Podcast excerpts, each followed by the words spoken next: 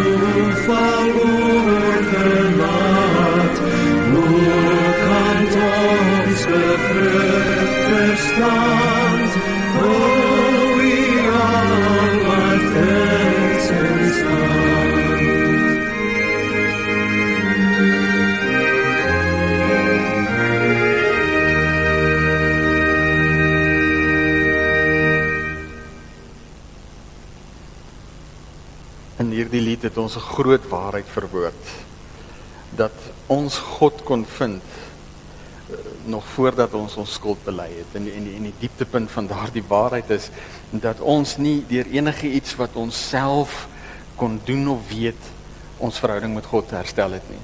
Hy het na ons toe uitgereik en ons syne gemaak. En dis in besonder daardie laaste vers strofe, daardie laaste paar versreëls wat vir ons regtig belangrik is ook as ons as ons dink aan aan die prediking vanoggend dat God oor alles regeer, dat goed of kwaad nie aan toeval oorgelaat is nie. En dit is verseker bo ons begrip en ons verstand, maar daarin ook dan die bede dat die Here ons ons ons geestesoë sal oopmaak dat ons te midde van die onseker tye wat ons beleef, daardie waarheid mag raak sien. 'n Deel van die die gevolg van 'n herstelde verhouding met God is dat ons as nuwe mense herstel in ons verhouding met God kan leef. En daardie herstel kom deur die werking van die Gees wat ons harte nuut maak sodat ons tot inkeer kan kom, tot bekering kan kom. Nou ons het vasgemaak ons ons word nie gered op grond van iets wat ons vir onsself gedoen het nie. En daarom 'n baie belangrike vraag in die Heidelbergse Katekismus Sondag 32. Waarom moet ons nog goeie werke doen terwyl ons sonder enige verdienste van ons kant alleen uit genade deur Christus uit ons elende verlos word? Dis 'n lewensbelangrike vraag hierdie. En nie net vir onsself nie, veral as ons onthou dat Jesus sê net die wat die wil van my Vader doen sal in die koninkryk ingaan, maar ook vir die wêreld waarin ons leef, want God kies om individue, om mense se harte nuut te maak sodat deur hulle nuwe lewens die wêreld nuut gemaak kan word. En wanneer ons antwoord in vraag 86 sê ons ons doen nog goeie werke omdat Christus ons nadat hy ons met sy bloed gekoop het ook deur sy Heilige Gees tot sy ewe beeld vernuwe sodat ons met ons hele lewe bewys dat ons God dankbaar is vir sy weldade en hy deur ons geprys word. Verder sodat ons vir onsself uit die vrugte van ons geloof sekerheid kan kry en ons deur ons Godvreesende lewe ons naaste ook vir Christus kan wen. En dan vra ons kan die mense dan nie salig word wat in hulle goddelose en ondankbare lewe volhard en hulle nie tot God bekeer nie. En ons antwoord op dit wat die skrif vir ons leer, nee glad nie, want die skrif sê dat geen onkeuse, afgodsdienaar, egbreker, dief, gierigaar, dronkaard, lasteraar, rower en sulkes die koninkryk van God sal beerwe nie. En dan vra ons 'n baie belangrike vraag. Dit gaan oor bekering. Uit hoeveel dele bestaan die ware bekering van die mens? Daar's iets soos 'n skynheilige bekering om een ding te sê en uiteindelik 'n ander ding te doen. So hoe lyk die ware bekering van die mens? En ons sê dit bestaan uit twee dele: die afsterwing van die ou mens en die opstanding van die nuwe mens. Wat is dan die afsterwing van die ou mens? Dit is 'n hartlike berou daaroor dat ons God deur ons sonde vertoren het en daarom ook hoe langer hoe meer die sonde haat en daarvan wegvlug. Aan die ander kant, wat is die opstanding van die nuwe mens? Dit is 'n hartlike vreugde in God deur Christus en 'n lus en 'n liefde om volgens die wil van God in alle goeie werke te lewe. En hiertoe roep God elkeen van ons en hiertoe stel hy ons in staat deur sy gees wat in ons werk. Kom ons loof hom hiervoor deur saam te sing van Here ons sal U loof en daarna staan ons stil by God se wil vir ons lewe. Mm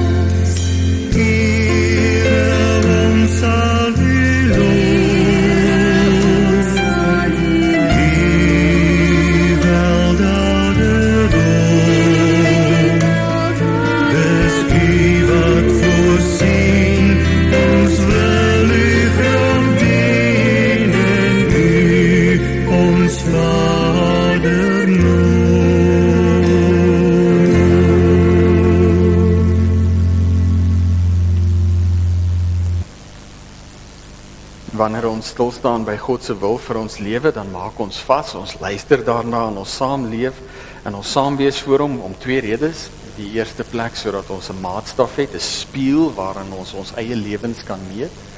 Ons eie swakheid en gebrokenheid kan leer ken sodat ons kan verstaan hoe nodig ons vir Christus het. En dan vir ons wat herstel is in ons verhouding met God, wat verstaan dat Christus in ons plek gesterf het, aan die ander kant dan 'n riglyn vir 'n dankbaarheidslewe. Ons luister na God se wil vir ons lewe sodat ons kan weet hoe sê ons dankie vir die verlossing wat ons uit genade ontvang het. En vanoggend staan ons stil by Matteus 28 wanneer Jesus as wettige koning 'n wettige opdrag gee. Jesus kom toe nader en sê vir hulle, vir sy disippels en daarin vir ons: "Aan my is alle mag gegee in die hemel en op aarde." Gaan dan na al die nasies toe en maak die mense my disippels. Doop hulle in die naam van die Vader en die Seun en die Heilige Gees en leer hulle om alles te onderhou wat ek julle beveel het. En onthou, ek is by julle al die dae tot die volëinding van die wêreld. Hiertoe roep God ons. Elkeen van ons en ook vir ons saam as geloofsgemeenskap hier in Bethel en ons kan die die die sorg van God hierin baie innig beleef. As ons daaraan dink dat ons hier in Bethel al so 96 plus winkels het wat aan buitelanders behoort. Dat die Here die nasies al hiernatoe gebring het omdat hy 'n hart het vir die nasies. Hy soek sy kinders en hiertoe roep hy ons om saam met hom te werk. Wat is moeilik want jy moet uit jou gemaksone uitkom jy moet uit dit wat vir jou gemaklik en aanvaarbaar is uitklim om betrokke te raak in 'n wêreld wat nie altyd wil hoor wat ons wil deel oor Christus nie, oor dit wat vir ons belangrik is nie. En daarom is dit ook goed en gepas dat ons osself hieroor voor die Here sal verootmoedig. En vir ons as gemeente het ons vasgemaak dat dat ons wil voor die Here rustig word en hierdie lied lig vir die nasies, helder skyn die lig vir die nasies Ons wil dit bid en daarom bid ons dit elke Sondag.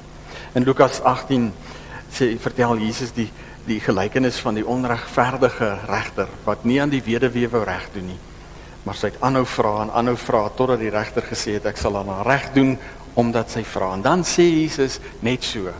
Net so moet ons aanhou vra van ons Vader omdat hy is goeie God, ons sal antwoord.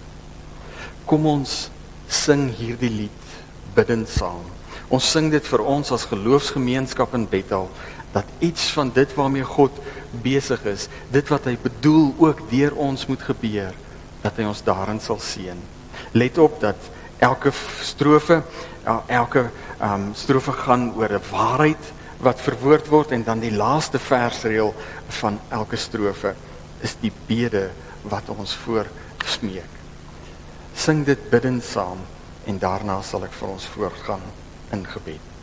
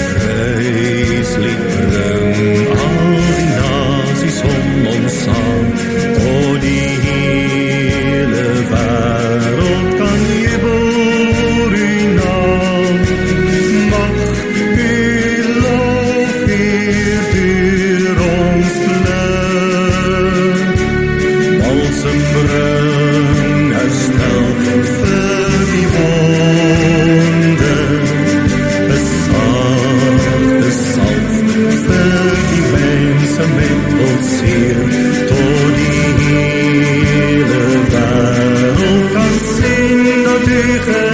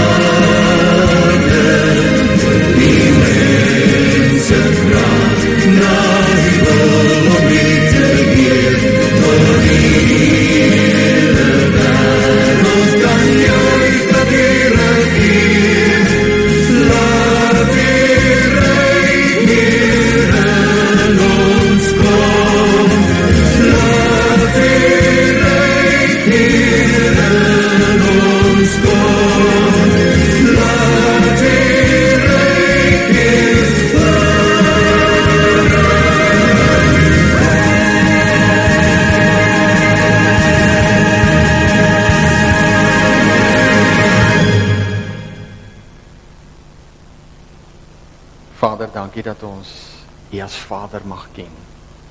Dankie vir nuwe lewe in Christus. Nuwe lewe wat ons ken, nuwe lewe waarvan ons die vrug in ons eie persoonlike lewe mag beleef en sien. Waarvan ons ook die verskil mag sien wat U deur ons in hierdie wêreld maak.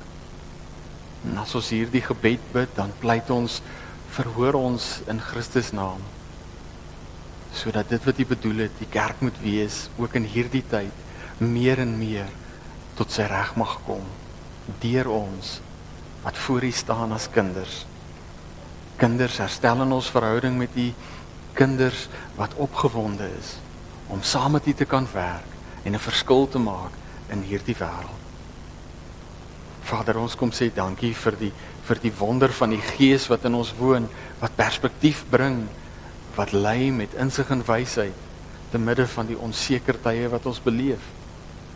Ons pleit Vader dat U ons geestesoë sal oopmaak, dat ons mag sien dat geen goed of kwaad aan toeval oorgelaat is nie, maar dat U te midde van hierdie onseker tye besig is om ons te vorm om die manne en vroue te word wat U bedoel het ons moet wees, maar ook juis daarin besig om 'n getuienis in hierdie wêreld uit te stuur van U liefde sigbaar uitgedruk in Jesus Christus, van herstel wat moontlik is omdat Jesus Christus gekom het om sondaars te verlos. En wanneer ons so voor U saamtrek, U naam groot maak, waarin dieselfde asem ook kom met die verwagting om U te hoor, U te ontmoet en in besonder te ontmoet in die verkondiging van U woord, dan pleit ons Vader, maak dit rustig in ons harte. Waar ons baie vrae het en waar die onsekerheid van die tye ook ons harte te mekaar maak, dan pleit ons Vader, help ons, maak ons sensitief vir die leiding van die Gees dat ons mag hoor as U met ons praat dat dit wat U met ons deel in ons harte mag vasval, dat ons lewens en mensweeg mag vorm sodat ons die lig mag wees wat U bedoel het ons moet wees. Ons bid hierdie dinge in Jesus se naam. Amen.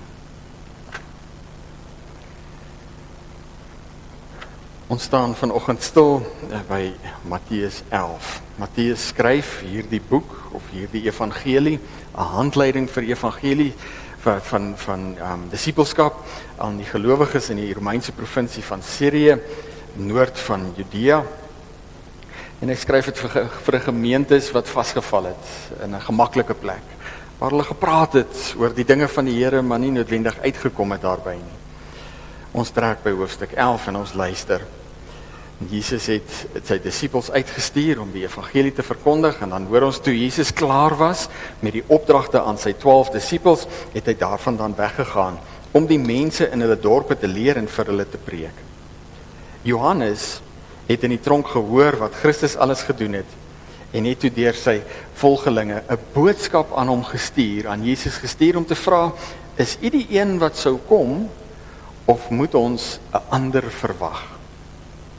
Jesus antwoord hulle: "Gaan vertel vir Johannes wat julle hoor en sien.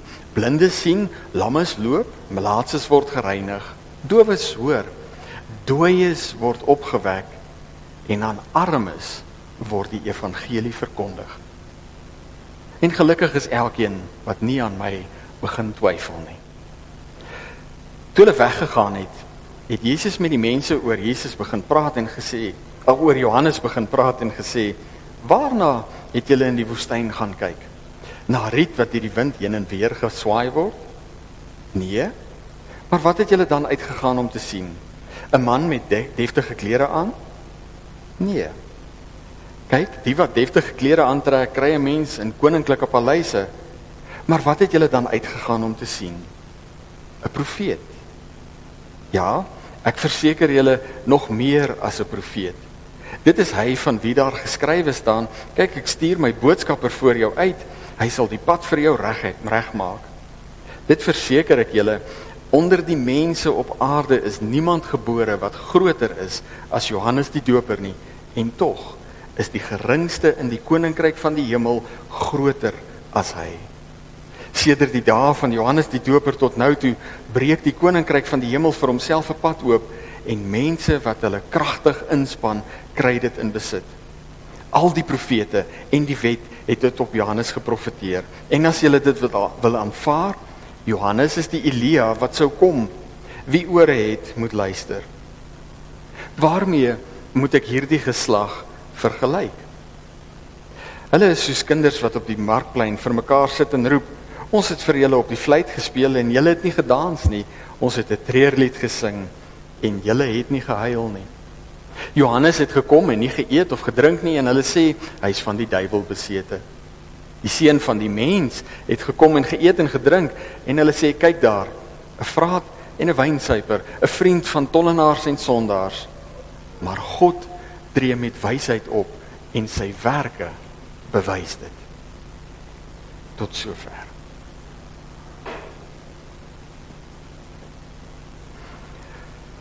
God tree met wysheid op en sy werke bewys dit.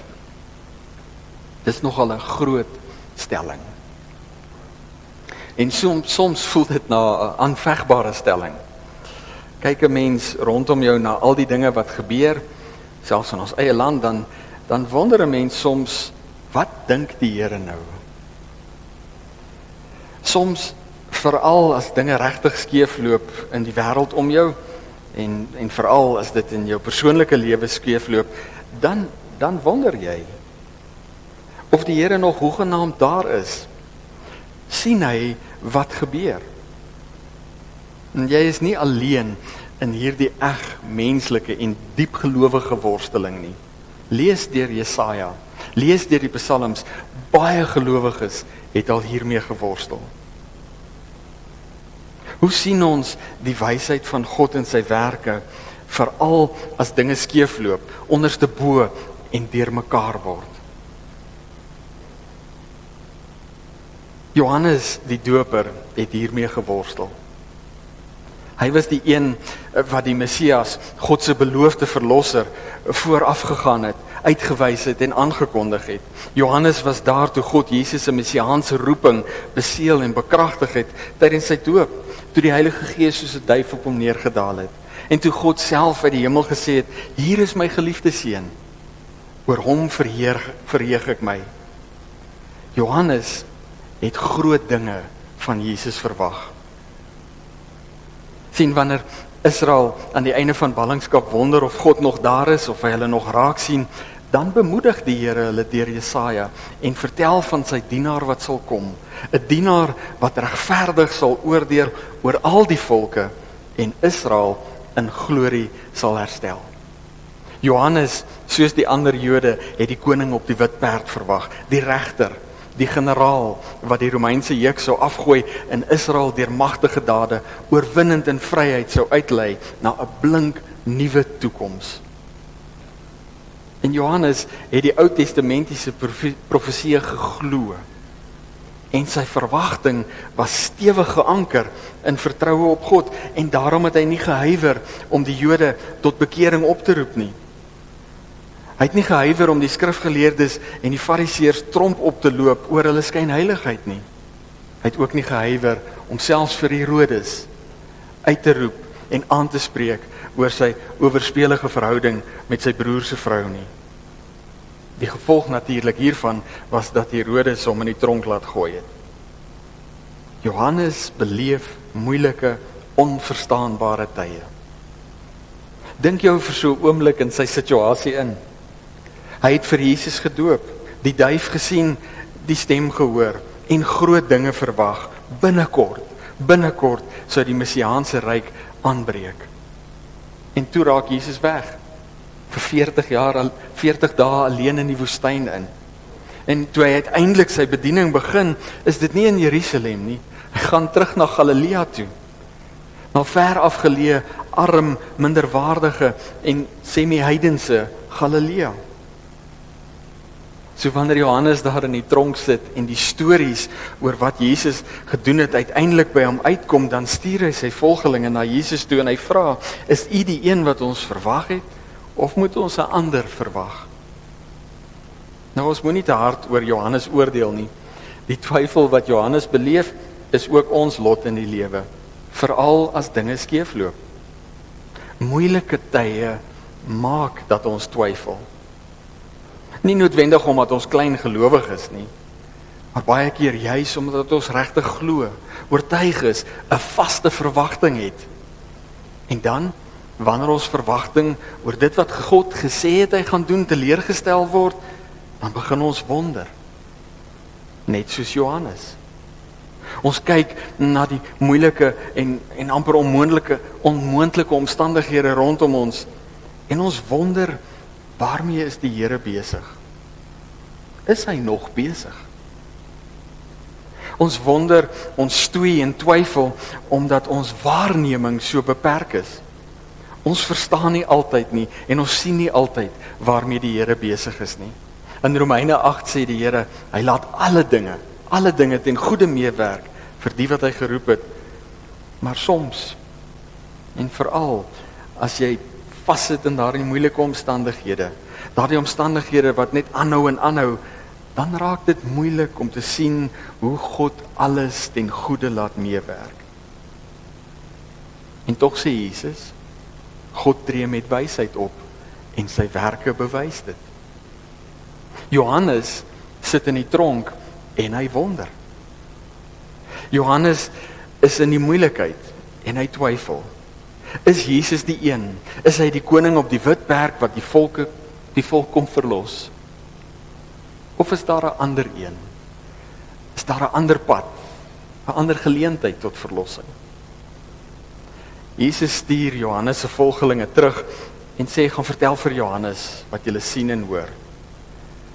Blindes sien, dowes hoor, lammes loop, malaatses word gereinig. Dooies word opgewek en aan armes word die evangelie verkondig. Dit is daardie laaste wonder wat God se wysheid bewys. Aan die armes word die evangelie verkondig. Die woord wat ons hier met armes vertaal, beteken ook die van klein of minder waarde. Met ander woorde die geringstes, die mense wat so maklik misgekyk word. Aan hulle word die evangelie verkondig. Nou Johannes, soos die eerste gemeentes en soos ons baie keer verwag dat verandering van bo af sal kom uit die paleise en die troonkamers. Maar God tree met wysheid op en sy werke bewys dit. So wanneer die Here die laaste Ou Testamentiese profeet stuur vir Johannes die Doper, dan kom hy nie uit Jerusalem uit nie. En hy werk, hy dien nie in Jerusalem nie. Hy leef in die woestyn. Hy dra nie snyierspakke nie en hy ry nie op 'n spogperd nie. Hy dra kameelhaar klere en hy eet heuning en sprinkane. Dis nie die prentjie van 'n leier wat alles kom regmaak nie. Wanneer Jesus kom, dan nie in Jerusalem in 'n paleis nie. Ons lees in in Matteus hoe die hoe die wyse manne uit die ooste vergeefs vir Jesus gaan soek het in Jerusalem. Nee. Hy word gebore in 'n stal in 'n onaansienlike dorpie uit 'n onaansienlike familie. En wanneer Jesus sy bediening begin, dan in Galilea. Tussen die armstes, tussen die geringstes, tussen die onaansienlikes.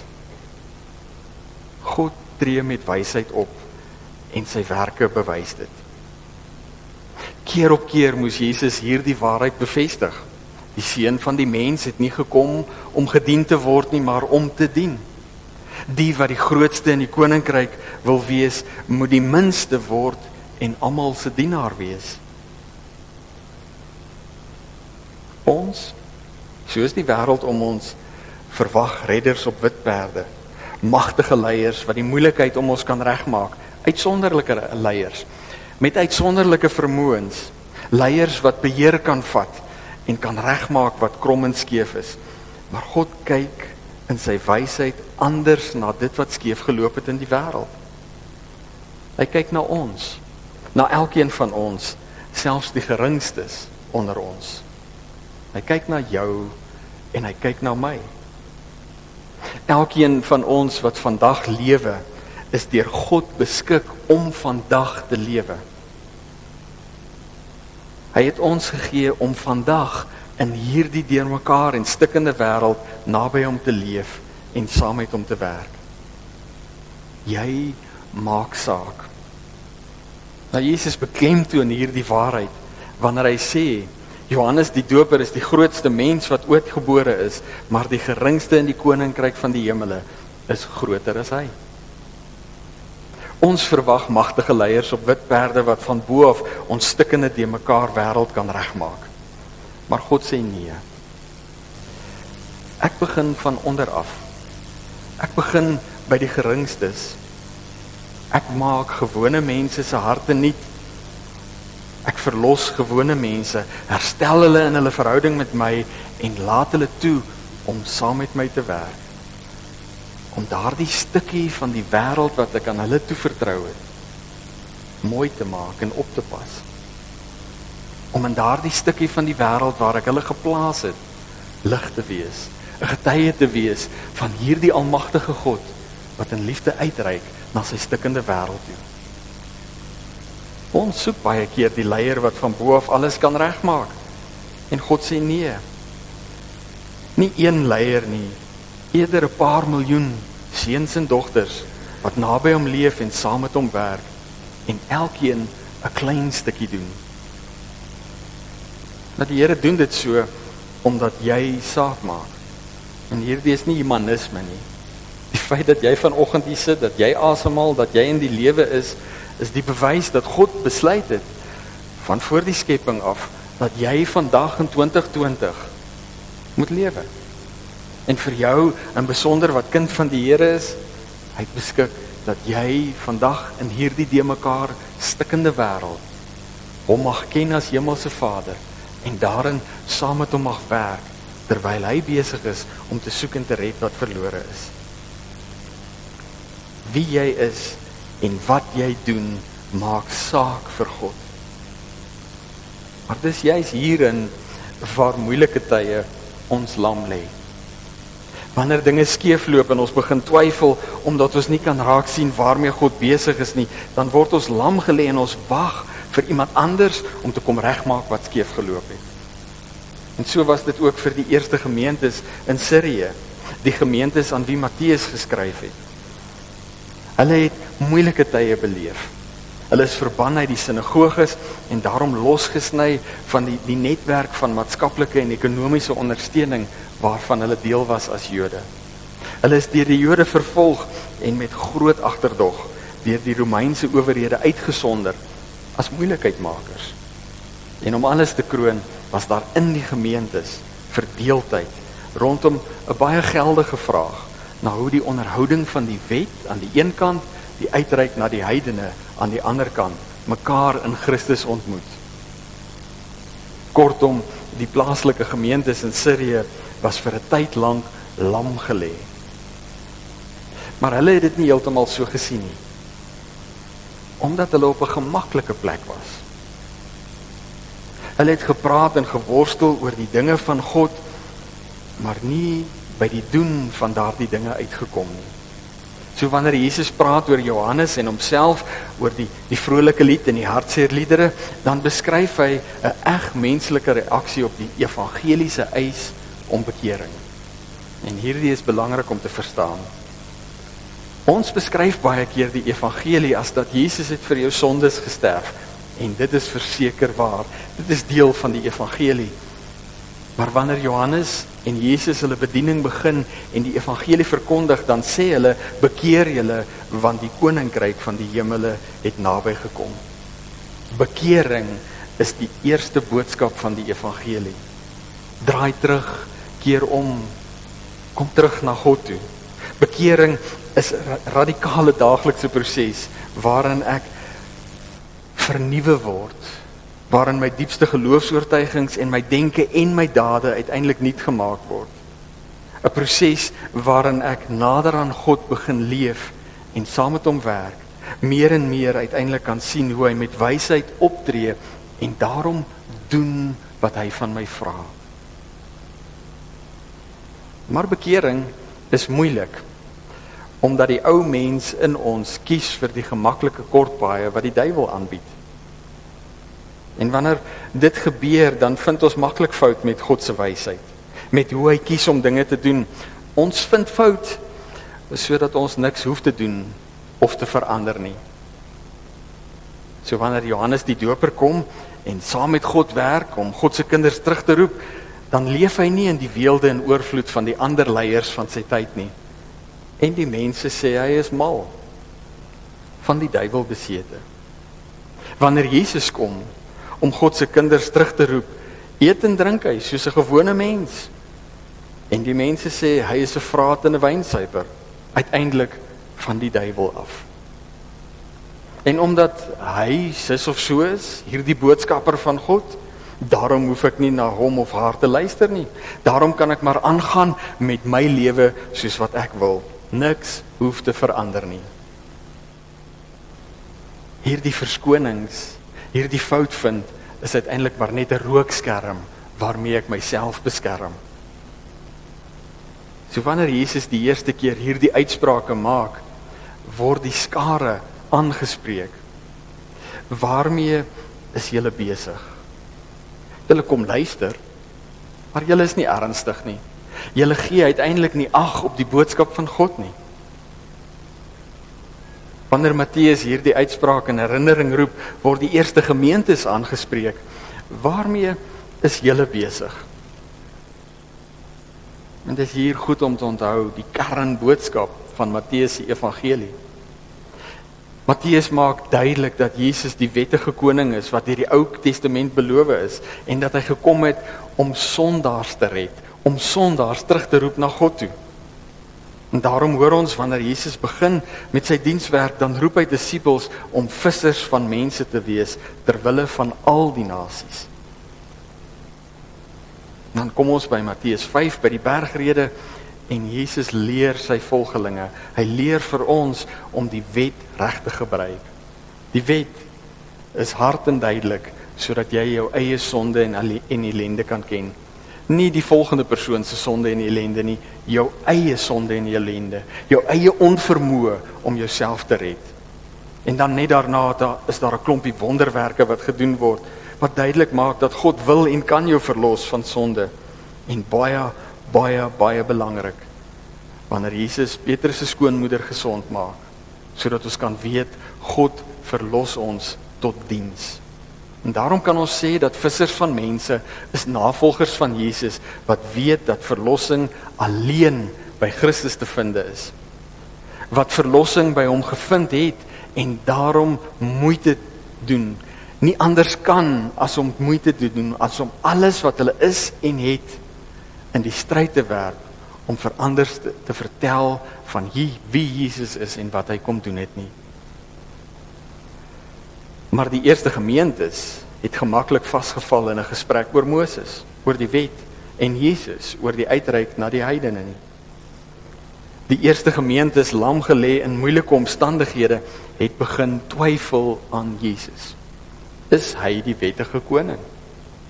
Hulle het dit waarskynlik nie so verwoord nie, maar hoe hulle geleef het, het daarop neergekom terwyl hulle gestoei het oor die geldige vraag na hoe die onderhouding van die wet die uitreik na die heidene mekaar in Jesus ontmoet, het hulle baie waarskynlik ook onder mekaar gekla en gewens dat die leiers in Jerusalem en Rome die lig sal sien.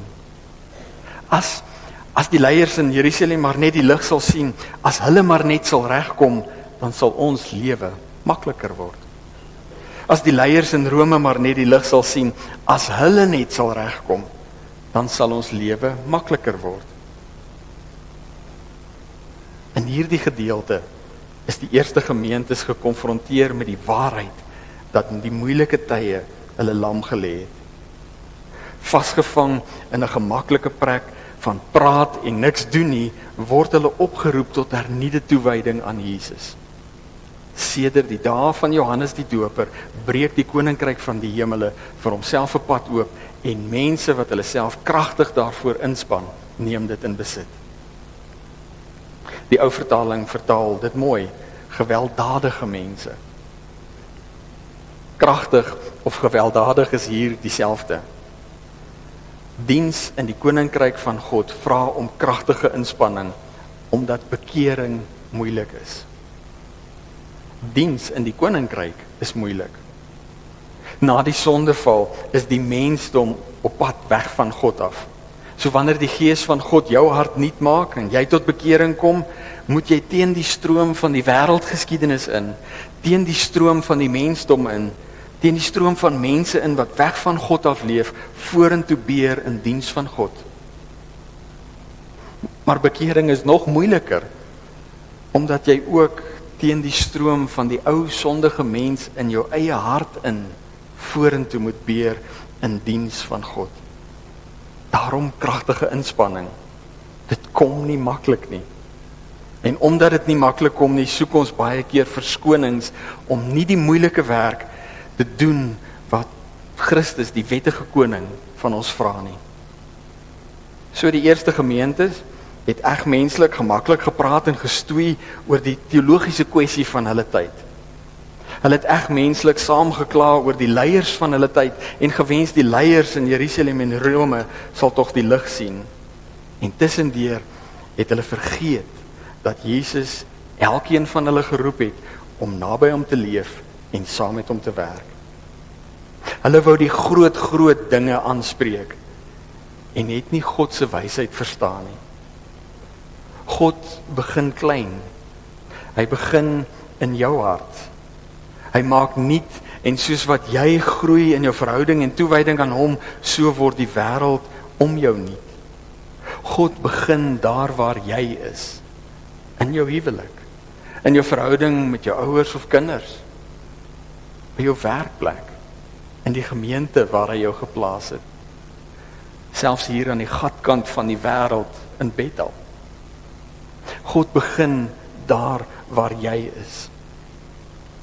In hierdie gedeelte is die eerste gemeentes tot stilstand geroep om eerlik en nugter selfondersoek te doen waarmee is ons besig?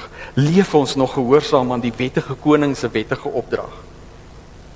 As ons Handelinge lees, dan lees ons van God se genade. Hulle het ag gegee en erns gemaak met wie Jesus is en wat hy vra. Hulle het 'n afvaardiging na Jerusalem toe gestuur en die teologiese vraagstuk waarmee hulle geworstel het uitgeklaar. Hulle het saam en onder leiding van die Heilige Gees die eerste stendelinge spesifiek uitgestuur na die heidense wêreld toe. Maar dit is veral in daardie klein begin dinge waarin hulle in besonder uitgeblink het. Deur hoe hulle in hulle alledaagse lewe geleef en uitgereik het, is die gelowiges in Antiochië die eerste keer Christene genoem. Klein Christusse. In hoe hulle geleef het en opgetree het teenoor mekaar en ander, kon ander mense Jesus Christus sien. En daarin uiteindelik die vraag vir ons as geloofsgemeenskap in Bethel. Ons beleef swaar tye. Ons wêreld is de mekaar en onderste bo. En COVID spook by baie en die ekonomiese impak daarvan raak almal. Nasionaal en plaaslik raak ons laat ons regering veel te wense oor en dinge val letterlik uitmekaar. In en tussen gemeentes en in kerke en tussen kerke stoei ons oor geldige teologiese vraagstukke. En wanneer ons kla oor die regering, wens ons ook dat die leiers of dit nou in Sekunda is of in Pretoria of Kaapstad is, die lig sal sien dat hulle sal regkom sodat ons wêreld kan regkom. En ons twyfel. Nou jy mag met my verskil en sê maar ek twyfel nie. Ek glo Jesus is my koning en verlosser en ek sal nie met jou stry as jy dit sê nie. Ek gaan net vir jou vra of jy doen wat hy vra. sien geloof word nie in die eerste plek sigbaar in wat ons sê nie. Dit word sigbaar in wat ons doen. Jakobus skryf breedvoerig hieroor en maak duidelik dat geloof sonder dade dood is. Jesus sê dit so: Net die wat die wil van my Vader doen, sal in die koninkryk ingaan. Dis harde woorde. En tog is dit regtig regtig baie belangrik om om vanoggend wanneer jy hierdie woorde hoor te verstaan dat ons Vader nie vandag wanneer hy met ons praat met ons beklei nie. Hy roep ons nader. Hy bemoedig ons. Hy por ons aan om saam met hom te werk soos wat 'n pa met sy klein kind maak. Kom, probeer. Jy kan. Die mooi hiervan word aangrypend sigbaar in Jesus se lys van wonders. Die evangelie wat aan armes verkondig word deur die geringstes aan die geringstes word op dieselfde vlak geplaas as dooies wat opgewek word. Dit word duidelik as Jesus sê dat die geringste in die koninkryk groter is as Johannes die Doper wat die grootste van almal is. Wie jy is, maak saak vir God. Hy het jou gemaak. Jy is syne. Jou lewe, jy lewe nou omdat hy wil hê jy moet vandag in hierdie de mekaar wêreld saam met hom werk. Nou as jy onthou dat jy sondig is en dit jou bekommerd maak, dit jou bang maak om op te staan en saam te werk, is jy op 'n goeie plek. Want Jesus het gekom om sondaars te red. As die moeilikheid van die lewe en die wêreld waarin ons nou leef jou maak twyfel, haal asem. Baie gelowiges oor die eeue was al daar. Abraham, Dawid, Asaf, Petrus, Johannes die Doper.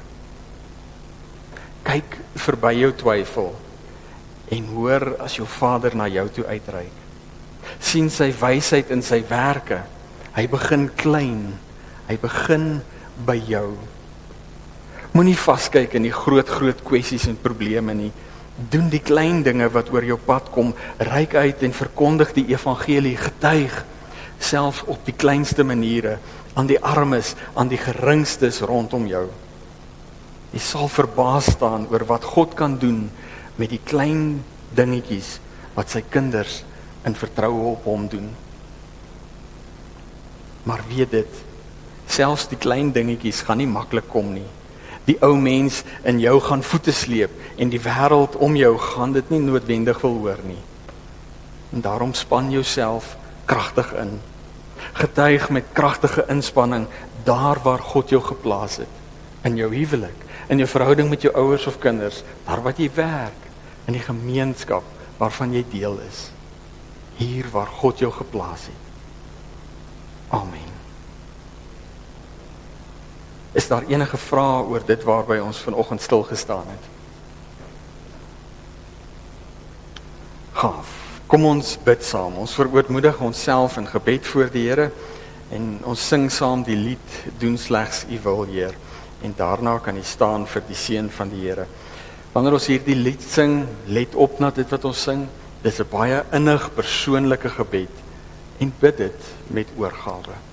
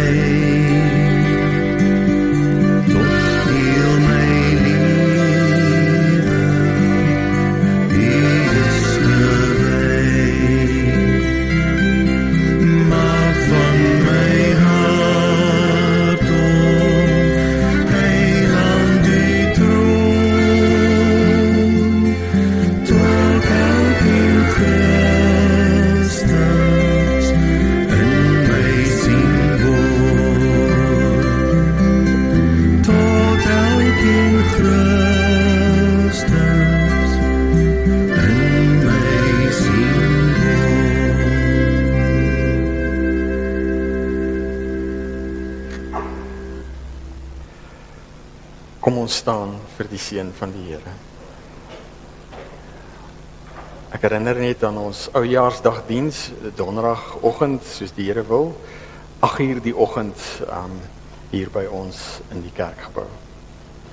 Wanneer ons uitgaan, weet dat God met jou gaan en dat hy in besonder by jou begin om sy wêreld nuut en mooi te maak.